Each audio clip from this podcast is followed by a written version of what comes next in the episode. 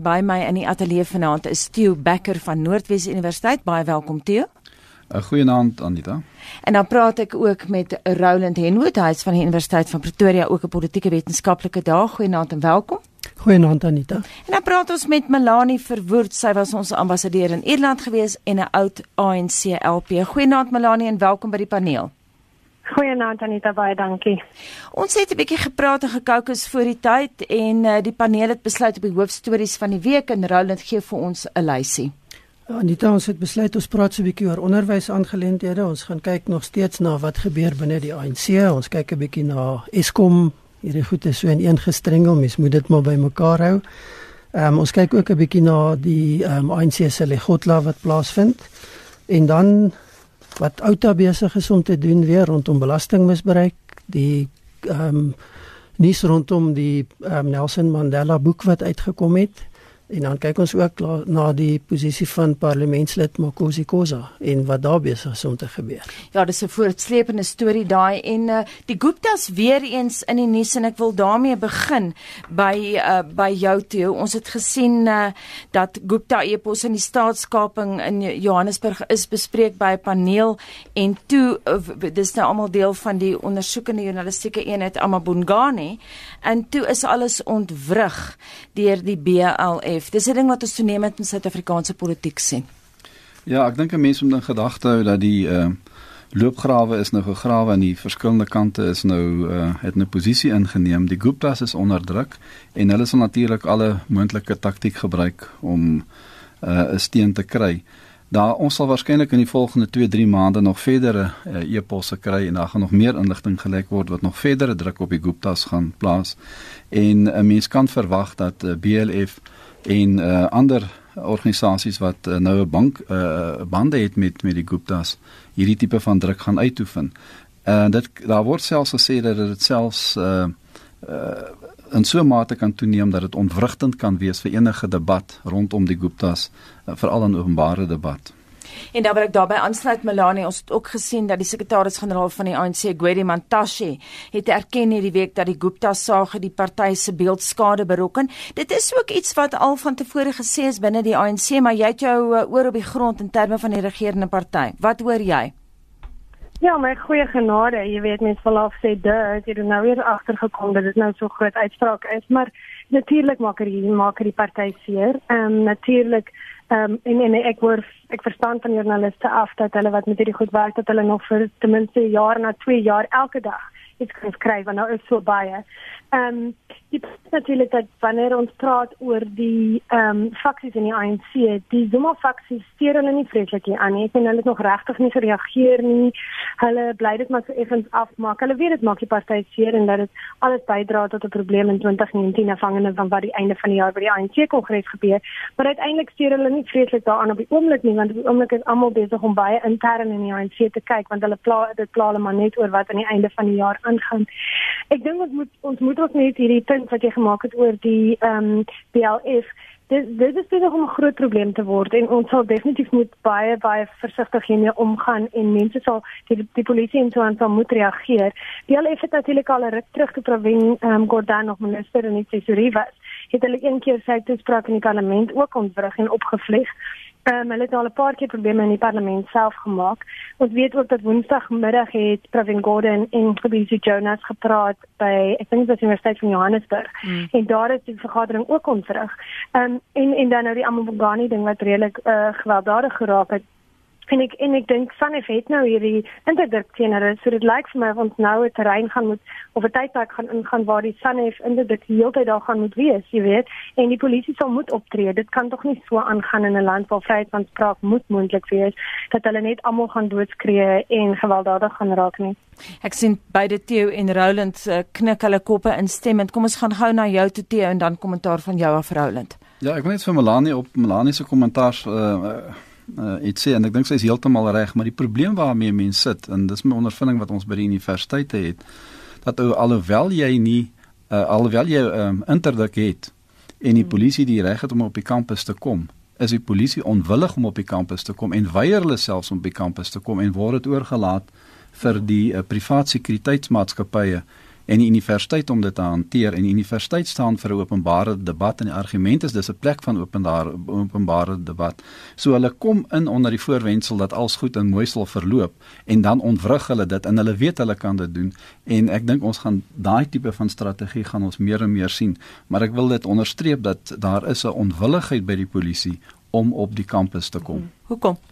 Dit is onpopulêr. Dis 'n onpopulêre aktiwiteit as mens byvoorbeeld na die Noordwes Universiteit maar vir Ken gaan kyk, dan moet mense in gedagte hou dat baie van die polisie persone, personeel se kinders um, is ook op universiteit en hulle ondersteun BLF en daar is ook 'n groot ondersteuning vir die EFF.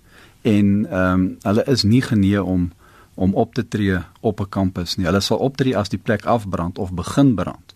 Hulle wil nie eers dit stop voordat so 'n tipe van 'n uh, protesoptog op die kampus plaasvind in 'n debat is is dit baie moeilik. Jy skree iemand dood. Dis nie gewelddadig nie, maar dit is ondemokraties en ek stem met Melanie saam dat ons sal moet 'n oplossing vind. Roland, hoe gaan ons daai oplossing kry? Ja, dis 'n baie moeilike ding om te hanteer en dit gaan tot die kern van een van die probleme met polisieering in Suid-Afrika. Die bereidwilligheid om op te tree nie in terme van 'n politieke opdrag nie, maar in terme van die wet.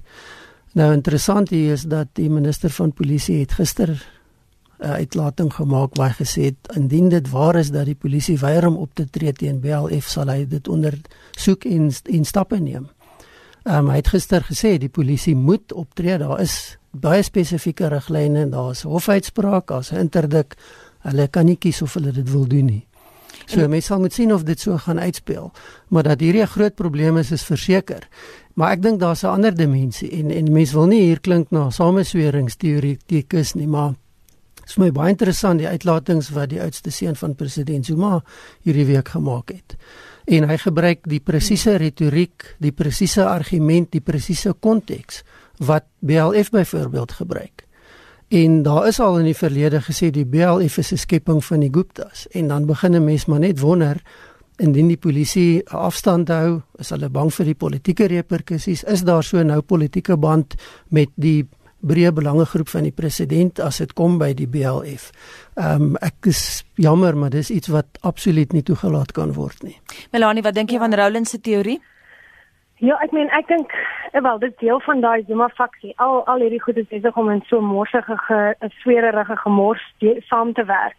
Um om dit redelik dramaties te stel.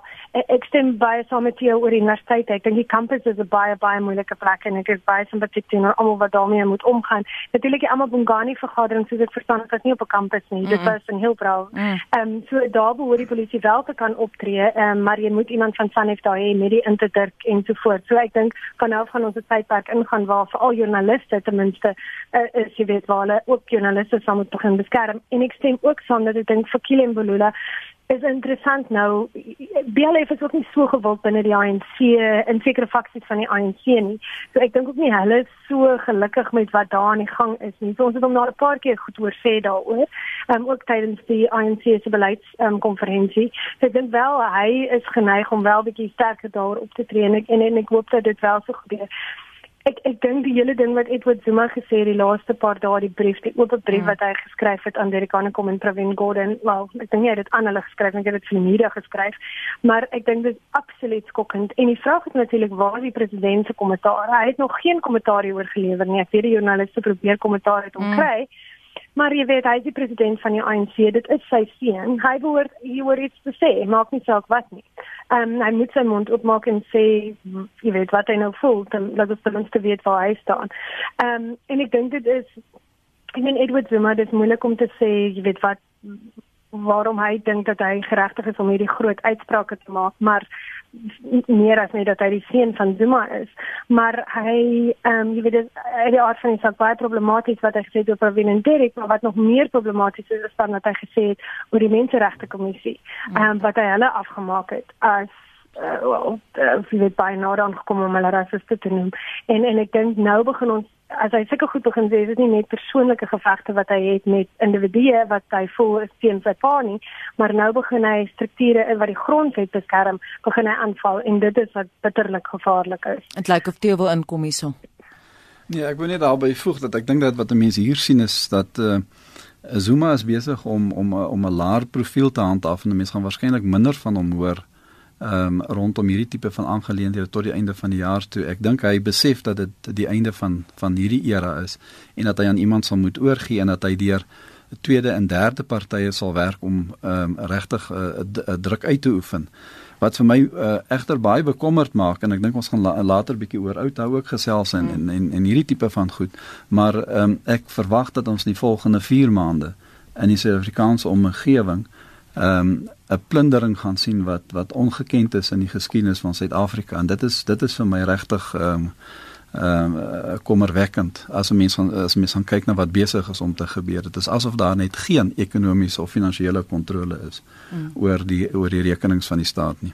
Ja, Theo het nou vir ons die tafel gedek om te praat oor Alta. Ons het gesien dat die organisasie teen belastingmisbruik of Alta het strafregtelike aanklagte teen die minister van minerale hulpbronne by die Randburg polisiestasie ingedien. Nou daai aanklagte sluit baie in dis verraad, korrupsie, afpersing, bedrog en diefstal. En Ben Tron, dis die bedryfshoof van Auto het gesê uh, Zwane is aangestel om die Gupta familie se belange te beskerm. Weereens nog 'n week in die Suid-Afrikaanse politiek roulend waar ons aanhoudend die Gupta familie se naam hoor. Wel ek dink dis die patroon wat ons aangewoond begin raak het en waarskynlik vir nog baie lank gaan sien uitspeel. Die belangrike ding is dat hoe ver gaan hierdie goed gaan voor daar enige aanduiding van optrede is. En ek dink dit is die kritiese ding. Dis nie net in die polisie waar daar probleme is met optrede nie. Die nasionale vervolgingsgesag is absoluut afwesig. En dit lyk vir my as mense nie gaan begin om met groot druk soos die lê van klagte en nader aan die lê van klagte soos wat al begin gebeur het teen die nasionale vervolgingsgesag of die hoof van die vervolgingsgesag gaan hulle nie aks, aksie neem nie. Hulle probeer almal hierdie goed so ver as moontlik vertraag en terughou sodat die tyd uitloop. En ek dink ons is op die punt nou waar ons vir mekaar kan sê dit was tot 'n mate suksesvol. Ons is aan die einde van Julie en daar gebeur niks nie. Daar het nog niks gebeur nie. Ehm um, almal het gewag vir hofsaake en belangrike besluite. Al hierdie goed word dood eenvoudig net uitgestel en uitgestel. En ons sien die debat begin nou ontwikkel ook binne die ANC van Dit is nie 'n nuwe debat nie, maar dit lyk asof dit nou aanvaar word.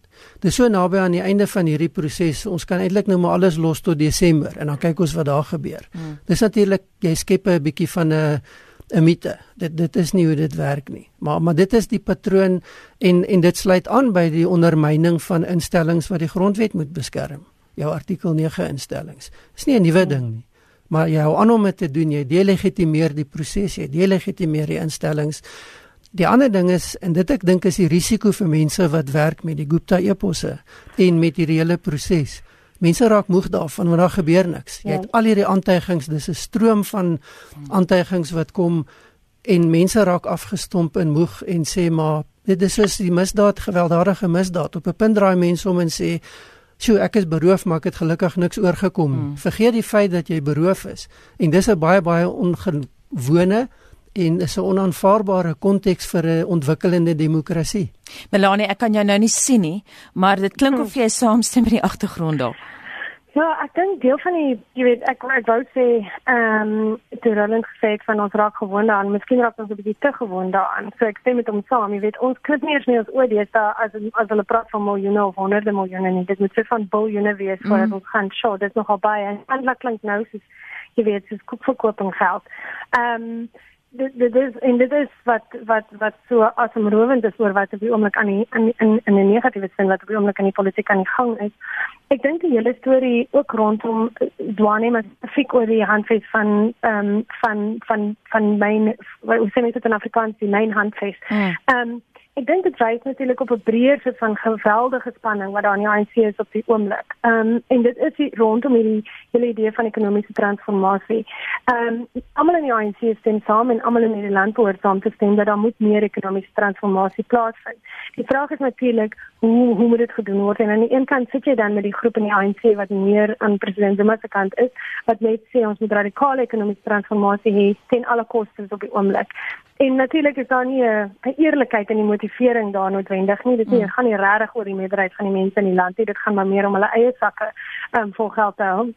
Maar dan het jy aan die ander kant die so groep wat meer sit van gematig is wat sê nee, natuurlik moet ons dit kry, maar ons moet versigtig wees oor wat die implikasies daarvan in die ekonomie En intussen dit alles speel hierdie hierdie morsige storie met die Gupta's homself uit minister Zwane spesifiek is 'n baie moeilike minister ook vir byvoorbeeld iemand soos Malusi Gigaba wat onlangs verstaan ek by 'n ontbyt hierdie week gekla het dit was 'n groot ontbyt vir besigheidsmense het hy gekla oor die feit dat die ministers so van almal maar net hulle eie ding doen en daar nie goeie koördinasie tussen hulle is nie want aan die een kant kom die minister minister Gigaba uit en hy sê ek het hierdie 14 plan mm. 'n plan uh, vir ekonomie maar dan aan die ander kant weer daar later dan sê Zwane nee maar ek gaan nou niks meer my lisensie toelaat nie en dit is amper asof dit ehm um, asof hy hulle mense wil straf vir die feit dat hulle hom hof toe wil vat oor die oorspronklike mynhandves. Ehm um, Zwane het natuurlik net sy eie ding. Ons het dit nou gesien van tevore met die hele banking commission storie wat daar voor die jaar was. Ons weet ook dat hierdie week het sy minister Godfrey Olifant gesê dat hy nie geweet van hierdie hele storie wat aan die kom is nie. Ehm um, op die radio in Johannesburg. Ehm um, so hy, jy weet hy doen maar sy eie ding en en dit is baie problematies en dit wys natuurlik dat hy ook beskerm word. Mm. Ehm mm. um, deur die Zuma faksie en dat hy voel sterk genoeg dat hy kan doen wat hy wil of dit nou 50 miljard rand gaan uitwis of nie van die myne af nie. En ironies natuurlik, so ons almal weet, wat die implikasies hiervan is, is presies wat ons ook weer hierdie week gesien het met Bokoni Platinum wat mense begin afdank en ja. Ashanti wat gesê het hulle gaan oor die volgende ruk 8000 werkers. So aan die een kant praat jy van radikale ekonomiese transformasie, hmm. maar terselfdertyd een van die grootste probleme, dit van werkloosheid, maak jy erger deur so dramaties en en en onverantwoordelik om te gaan met die idee van ehm um, van van byvoorbeeld die myne en dit is nie net die myne nie natuurlik daar kom daar aan goed rond die banke en die finansiële sektor ook. Hmm. Ek is bly jy het nou gepraat oor die myne want ek het nou op my lys ookie gehad van Bokoni Platinum. Jy het nou nog gepraat van 8000 mynwerkers. Platinum het gesê hulle wil 2600 afdank. Hmm. Ons het so ruk gelede Melanie het ons onderhoud gevoer met Chris Jacobs en hy het gesê jy moet dit vat dat vir elke mynwerker uh, is daar 10 mense afhanklik. Hmm. Hy sê en dit is 'n konservatiewe syfer Theo so geweldig geweldige impak op die ekonomie, maar ek wil aansluit by wat Melanie gesê het toe sy verwys het na Malusi Gigaba se 14-punt plan. Ons het ook hierdie week gesien uh, Woensdag het Fitch aangekondig dis onwaarskynlik dat die plan sal help om ekonomiese groei te versnel, Theo. Ja, ek wil daarmee saamstem. Ek dink ehm um, die fout wat Gigaba maak is dat hy moet uh, weier gekonsulteer het en hy en ek dink 'n mens moet gaan kyk na die, die rol van georganiseerde arbeid in hierdie geval veral organisasies so byvoorbeeld Fedusa en hulle bydra en hulle en hulle kommentaar wat hulle gelewer het. Ek dink dit word geïgnoreer tot 'n groot mate. Uh inteendeel ehm um, wat ek verstaan in uh, van uh, Fedusa se mense is nou in in, in China en ehm um, waar waar hulle deelneem aan 'n kongres en Ehm um, dit lyk vir my asof daar net eenvoudig geen koördinasie tussen georganiseerde arbeid is en dan die die minister nie. Maar ek wil dieselfde ook sê dat as 'n mens gaan kyk na die uh, besigheidssektor georganiseerde ehm um, besighede dan is daar ook hierdie gebrek aan kommunikasie en koördinering. So dit lyk vir my asof ehm um, Gigaba wil konsulteer. Hy gepraat met enkele mense, maar dit is nie die wye inkoop nie. Daar is nie 'n legitimiteit of 'n breë ondersteuning vir wat hy wil doen nie. En dan kry mense hierdie plan. My bekommernis is en dit hou ook verband met die myn. Uh, die myne, jy weet as mense kyk na Limpopo, 30% van die bruto nasionale produk van Limpopo is word deur die myne beïnvloed. Nou as ons na die myn ekonomie gaan kyk, is dit besig om in duie te stort. Ons moet geen fout daaroor maak nie. En dit het weer 'n effek op ons groei. Ek dink nie en ek dis 'n dis 'n stelling wat ek graag oor oor 6 maande wil evalueer, maar ek dink nie ons gaan in Suid-Afrika onder die huidige omstandighede enigsins naby 'n 2 of 'n 3% groei per jaar kom wat volhoubaar is. Mm. As ons nie radikaal gaan kyk na die die beginsels waarop ons ons ekonomiese stelsel organiseer en en en bestuur nie. Op hierdie stadium gaan ons in die verkeerde rigting. En ek dink uh, ons moet aanvaar dat ons is in 'n ekonomiese uh, morasse nog baie lank. Ek wil nou vir oomblik by jou bly toe en dan gaan ons na Roland toe. Watter rigting sou jy wou sien?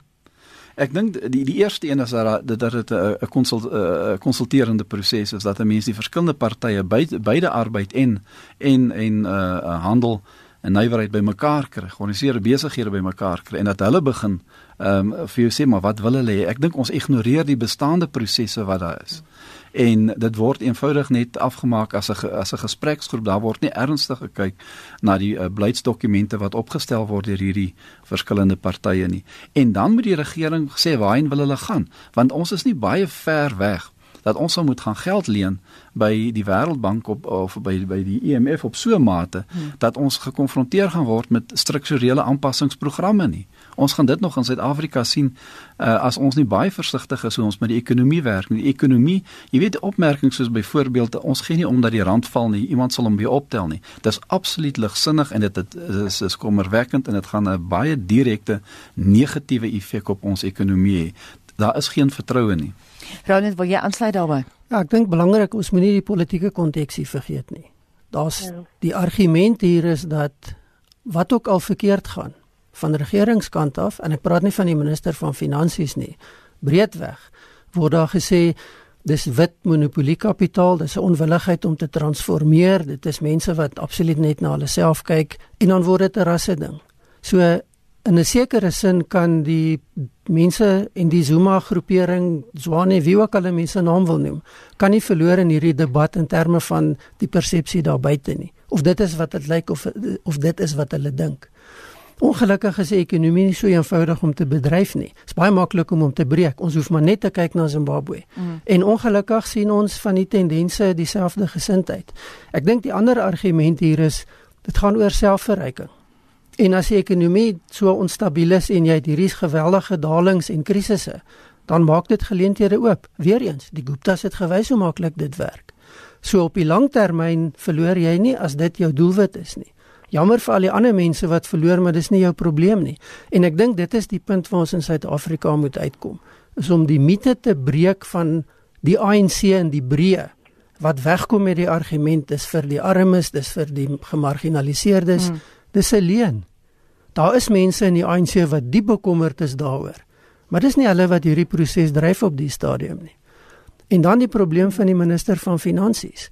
Hy het nie legitimiteit nie. Hy het nie die regte adviseurs rondom hom nie en jammer om dit te sê tot 'n mate is dit 'n bed wat hy self opgemaak het. Hy moet nou in hom slaap en nou sien hy dit is baie moeilik. So so jy sit met 'n regering wat geweldig gekompromiteer is, geweldig verdeel is en ek dink dit pas president Zuma. Hy dryf hierdie en hy verdeel en eers, dis wat hy in die kabinet doen. Dis hoekom Zwane kan aangaan en niks gebeur nie. En die ander is gefrustreerd maar hulle wil nie uitpraat nie tot die ANC nie hierdie ding beheer oor leierskap en en hoe hy sy beleid struktureer nie, gaan dit so aangaan. En dan miskien net 'n laaste punt. Die ironie van is alhoewel mynbou in Suid-Afrika agteruit gaan, is Suid-Afrikaanse investeerders van die groot investeerders in wyn in mynbou buite Suid-Afrika. Want daar's beleidsstabiliteit, daar's voorspelbaarheid, En dis nie asof hulle met almal met onaanvaarbare praktyke oral wegkom nie. Dis goed gereguleerde omgewings waar dinge goed werk. So die mynhuise kan in so 'n omgewing funksioneer. Maar ek dink nie hulle word toegelaat om dit te doen nie want dit pas nie die politieke proses wat uitspeel nie. Hmm. Melanie, kom ons gaan na jou toe. Roland het nou gesê daar is mense binne die ANC wat baie gefrustreerd is, maar hulle wil nie uitpraat nie. Het jy enige name wat jy kan noem wat jy kan byvoeg? Sy moet wel dit vir hulle aan hulle doen nie. Kyk, ek meen ek stem saam met Roland. Die een ding wat die ANC die probleem wat die ANC het of die die pad wat hulle nou loop is net spesifiek na die plaaslike regeringsverkiesing waar hulle baie groot geskrik het. Hulle het nie gedink dit gaan so sleg gaan nie. Het moet hulle twee goed doen. Die een ding is dat hulle moet weer populêre steun terugveng van na die party toe want hulle hulle weet hulle meningsopnames wys vir hulle dat hulle net gaan vorder kry na 2019 toe. En die tweede ding is dat hulle moet aandag aftrek van hulle eie probleme en die foute wat hulle maak. En natuurlik reg oor die wêreld as jy dit wil doen, wat doen jy? Jy kombineer ras en ekonomie. Ons het gesien in Amerika, ons sien dit in Brexit, ons sien dit in Europa, dit is nie iets wat uniek is van Suid-Afrika nie. En natuurlik hier is dit 'n besondere soort van sinistère ding begin raak, ehm um, met partners se se betrokkenheid en so aan, maar die punt is dat dit waar hierdie wit monopolie kapitaal natuurlik vandaan gekom het. Ons moet terselfdertyd sê daar is natuurlik 'n groot probleem nog steeds op die grond en ons moet dit elke keer sê dat daar is nog hierdie groot ehm um, verskil tussen die rykes en die armes in ons land en dat daar nog steeds baie groot deel 'n raskomponent daarin is. En dit is natuurlik ook hoekom dit werk. Anders sou dit nie gewerk het nie. Dit is totale nonsens wat sou dit nêrens heen gegaan het nie. Ehm um, maar die manier wat dit gebruik is en ek het reeds vroeër gesê en die motivering daar agter is natuurlik nie opreg nie en in die land baie skade. Ek sien ook 100% saam oor Malusi Gaba. Kyk, hy wil baie graag die regte ding doen. Hy is baie ambisieus. Hy wil definitief eendag president van die land word. Word hy te jonk op die oomblik. Um, hy is van sy middel 40 en in die ANC is dit baie baie jonk vir leierskap. Mm. So hy probeer die regte ding doen en dis hoekom ons hierdie ding sien. Hy praat so van albei kante toe die hele tyd. Probeer hy die regte ding. Hy sê dit en dan sê hy dat en dan sê hy dit weer. En ek dink dis hoekom mense enerzijds hom nie vertrou nie. Hy het natuurlik ook foute gemaak reg van die begin af waar hy goed ontken het wat hy nie moes ontken het nie. Die tweede ding natuurlik sy Gupta verwantskap wat hy nog steeds nie en hy gaan baie sukkel om daarvan ontslae te raak. En en mense moet nou maar ook kyk of daar nog goed gaan uitkom rondom hom. En dan natuurlik soos ek reeds vroeër gesê dat hy probleme het wat wat Roland ook na verwys het hierdie probleme in die kabinet self. Ehm um, is daar nog goeie mense in die ANC? Ek kry baie daai vraag. Daar's baie goeie mense in die ANC nog oor. Ehm um, en in die parlement en so aan. Maar hulle is nie die meerderheid op die oomblik nie. En en dit is die grootste probleem. Hulle is nie die meerderheid op die ANC se nasionale werkskomitee nie. Hulle is ook nie die ANC se nasionale bestuur nie. Is hulle nie die meerderheid nie. Hulle is daar, maar hulle is nie die meerderheid nie. Ehm um, en mense self moet vra vra oor of hulle hulle is miskien baie na in die meerderheid in die parlement, maar selfs daar is daar miskien 'n bietjie van 'n probleem. Ehm um, en so ja, ons gaan natuurlik nou moet kyk wat gebeur met hierdie 'n motie van wantroue wat op pad is, maar ehm um, ja, ek vermoed nie daar gaan veel daar gebeur nie. As jy laat by ons ingesluit aangesluit het liewer, baie welkom uh, by kommentaar. Ons praat vanaand met Theo Becker, ons praat met Roland Henwood en ons praat met Melanie Verwoerd. Ek wil teruggaan na iets uh, Theo wat Roland net nou gesê het. Hy het gesê, jy weet Malusi Gigaba het hierdie bed vir hom gemaak en hy moet daarop slaap, maar die probleem is ons almal is sy bedmaats. Ons almal moet op daardie ekonomiese bed slaap en dit alles binne die konteks van baie groot druk van buite af woensdag net na die uh, Fitch kritiek op die 14-punt plan het ons ook gesien dat die IMF e het gesê daar's 'n baie groot dringendheid vir Suid-Afrika om hervormings in te stel om groei te vermeerder en skuld te verminder. So die druk is baie groot op ons om dit nou reg te kry, Theo.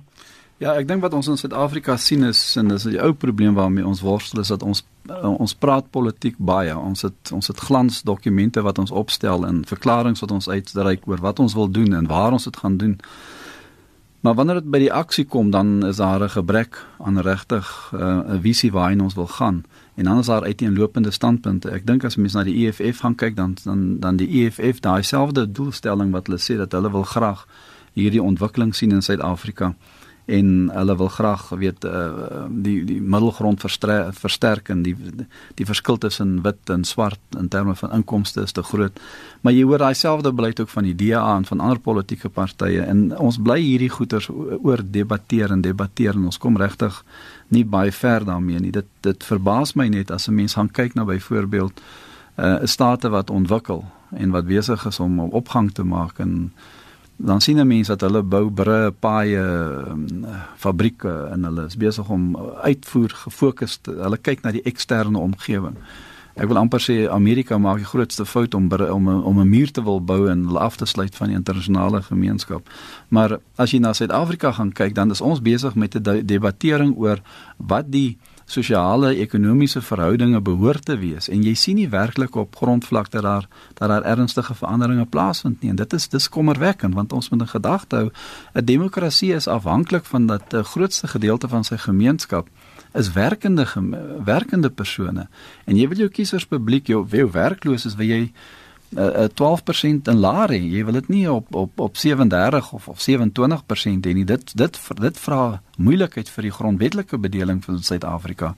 En ek wil die stelling maak, ek dink dat ons Suid-Afrikaanse grondwet, hoe goed hy ook al is, mm. is onder geweldige groot druk en dit die moontlikheid bestaan dat hy selfs uh, nie hierdie druk kan weerstaan in die toekoms nie. Jy kan nie ernstig wees nie. Ek wonder nou wat iemand sou sê soos um, skrywers van die grondwet daaroor. Ek dink nou aan Marinus Wiggers brei bietjie uit op jou punt want dis 'n ja, is 'n baie ernstige stelling wat jy nou gemaak het. Ja, ek dink as mense dit bietjie 'n stap verder vat, ons wat waarheen ons nou beweeg, ons het weg beweeg van die parlement as die as die uh, praathuis en die doenhuis en die besluithuis van van die Suid-Afrikaanse politieke omgewing.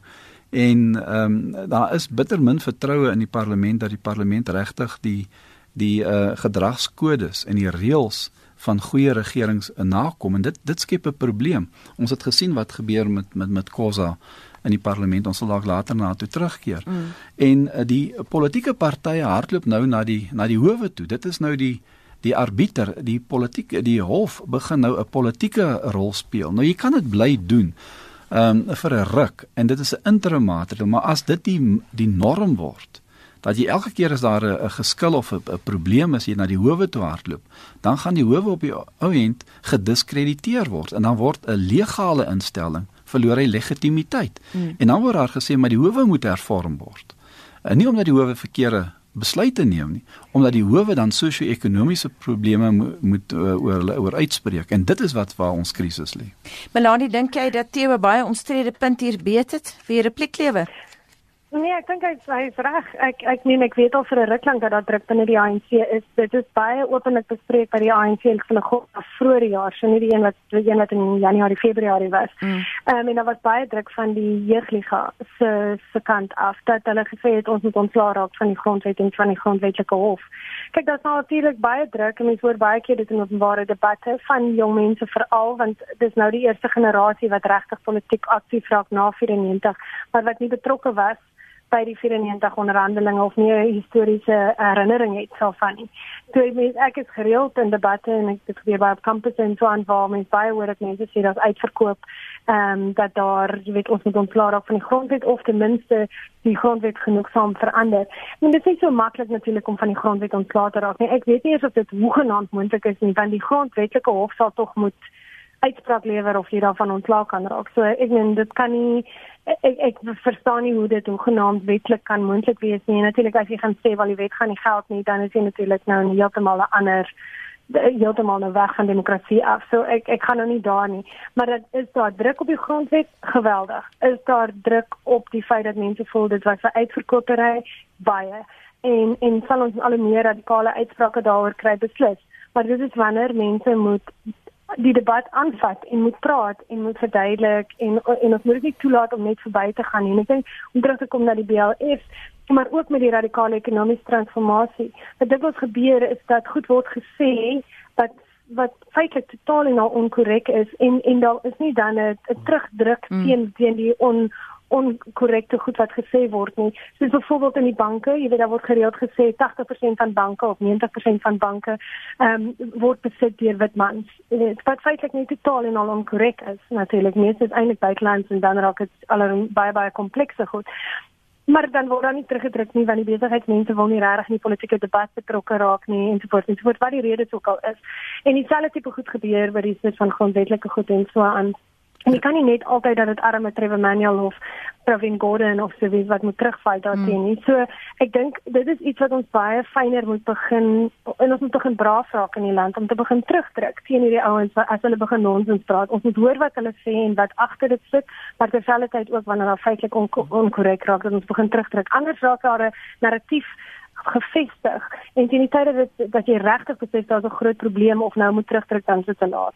Nou sê Melanie Sakelay wil nie betrokke raak by die politieke diskurs nie.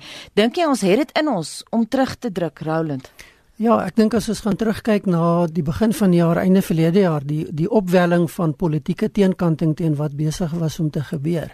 Dit was baie interessant en hier gaan die spektrum van Save South Africa, Julius Malema en persoon die DA en ander wat baie sterk die hele aksie gebou het rondom die beskerming van die grondwet. Daai momentum het baie mooi opgekom en toe het hy stil geraak. Wat baie interessant was as 'n mens gaan terugkyk terwyl daai ding plaasgevind het, het niemand vanuit die ANC wat so baie oor die grondwet praat, niks hulle het niks gesê nie.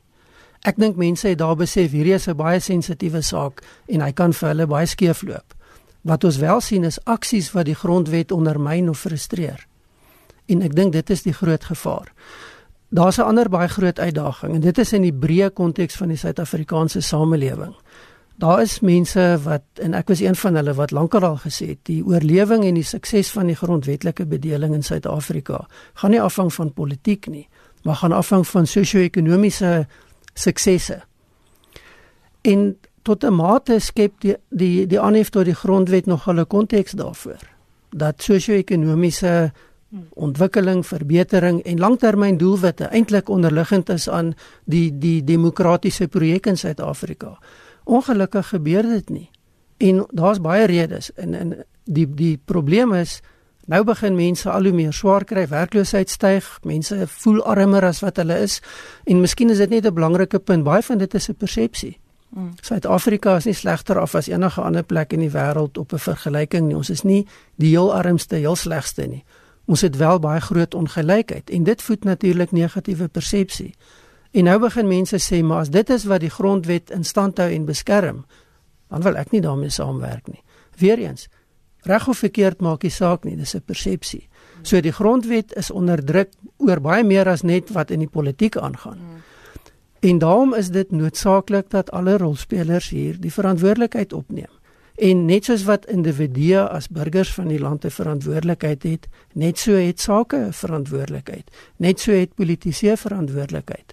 Ongelukkig word dit nie nagekom nie. Kom ons beweeg aan na die laaste item op ons lys uh, vanaand.